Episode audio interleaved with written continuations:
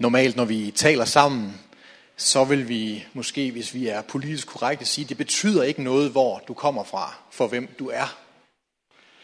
Men når jeg præsenterer mig selv og siger, at jeg er vokset op i Jallerup, så ved jeg altid på det udtryk, folk har i øjnene, at det er løgn. At det betyder noget, hvor man kommer fra. Det betyder noget, om man kommer fra Aalborg, eller man kommer fra Nørre Sundby, eller man kommer fra Jallerup. Det betyder noget, om man kommer fra Bethlehem. Og da Jesus han vokser op, så bor han i Nazareth. Det er der, han vokser op. Og da det begynder sådan at komme for om, at Guds frelse kommer fra Nazareth, så ryster folk på hovedet og siger, nej, kan noget godt komme fra Nazareth? Ligesom kan noget godt komme fra Jallerup. Og det er fordi, at de glemte, at Jesus blev født i Bethlehem. Fordi der var et løfte om, at Gud ville sende en konge for Israel, for jøderne. Og han skulle være Messias, han skulle være frelseren, og han skulle komme fra Bethlehem. Men den her fortælling her, den peger også på nogle andre ting. Den peger på, at den her konge, der skulle komme ud af Bethlehem, som skulle være jødernes konge, Matthæus fortæller fortællingen på en måde, så vi er ikke i tvivl om, at den her konge er ikke kun for Israel. Han er ikke kun for jøderne. Fordi han bliver opdaget via en stjerne. Og dem af jer, som har fulgt julekalenderen om julestjernen på DR i år, I ved, at når der kommer et nyt himmellegeme, så undres vi. Hvor kommer det fra? Hvad betyder det? Hvorfor er det der? Kan vide, hvad det er? Kan vide, om det peger på noget? Og dem af jer, der har fulgt julekalenderen, I ved, at hver enkelt menneske, der ser den stjerne, får noget forskelligt ud af det. Den stjerne betyder noget forskelligt for hver enkelt person i forhold til det håb, de længes efter. Det håb, de har brug for. Og de her vise mænd, de kom fra det, der måske i dag vil være Iran, fra Persien. Og de har rejst langt, og de har set den her stjerne her. Og vi ved ikke så meget om den. Måske har det været en bestemt måde, planeterne har stået i forhold til hinanden. Så man har kunne, ligesom kunne se, at Jupiter, som er kongeplaneten, har stået sammen med andre planeter, der har måske været et tegn for jøderne. Og derfor kunne man forestille sig, at jødernes konge måske har det været en supernova. Vi kan ikke sige det med sikkerhed. Men de har tolket det, at nu er der en ny konge.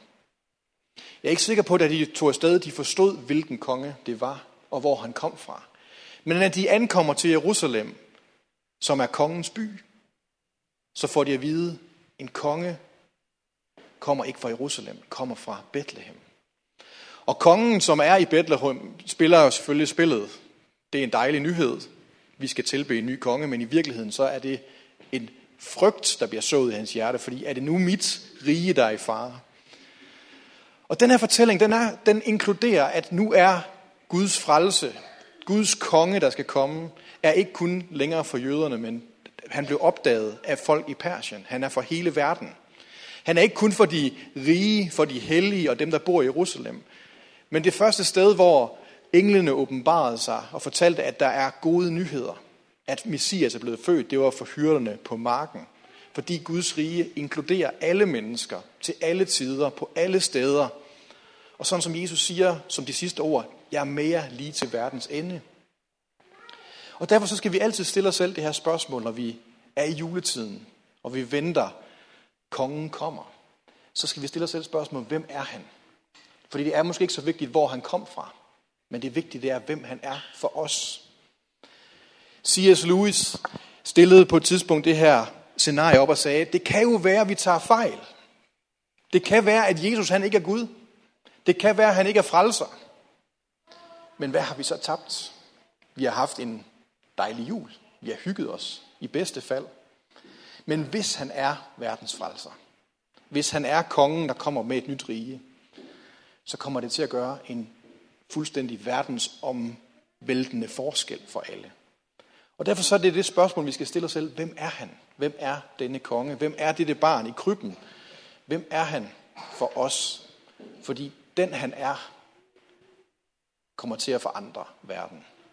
Og han var et håb da, han var et håb i form af en stjerne. Han var et håb i forhold til et budskab for hyrderne på marken. Han var et håb for det folk, som havde ventet i mørket på det her lys, der skulle komme. Og når vi ser på verden i dag, så ved vi om nogen, at vi har brug for håb. Der er stadigvæk mennesker, der lever i mørke, der lever i krig, der lever i fattigdom. Vi har brug for, at Gud griber ind, dukker op, frelser, fornyer og forvandler. Lad os bede om, at Guds fred og Guds rige må komme til os. Himmelske Far, tak at du har åbenbaret dig selv og givet dig selv til os. At det løfte, der blev givet i skabelsen og i syndefaldet, at dit afkom skal knuse djævelens hoved, eller slangens hoved. Tak fordi det er blevet sandt i Kristus. At du har givet os en søn, at du har givet os et håb og et lys, et nyt liv, og at vi ved troen på Kristus har del i dig.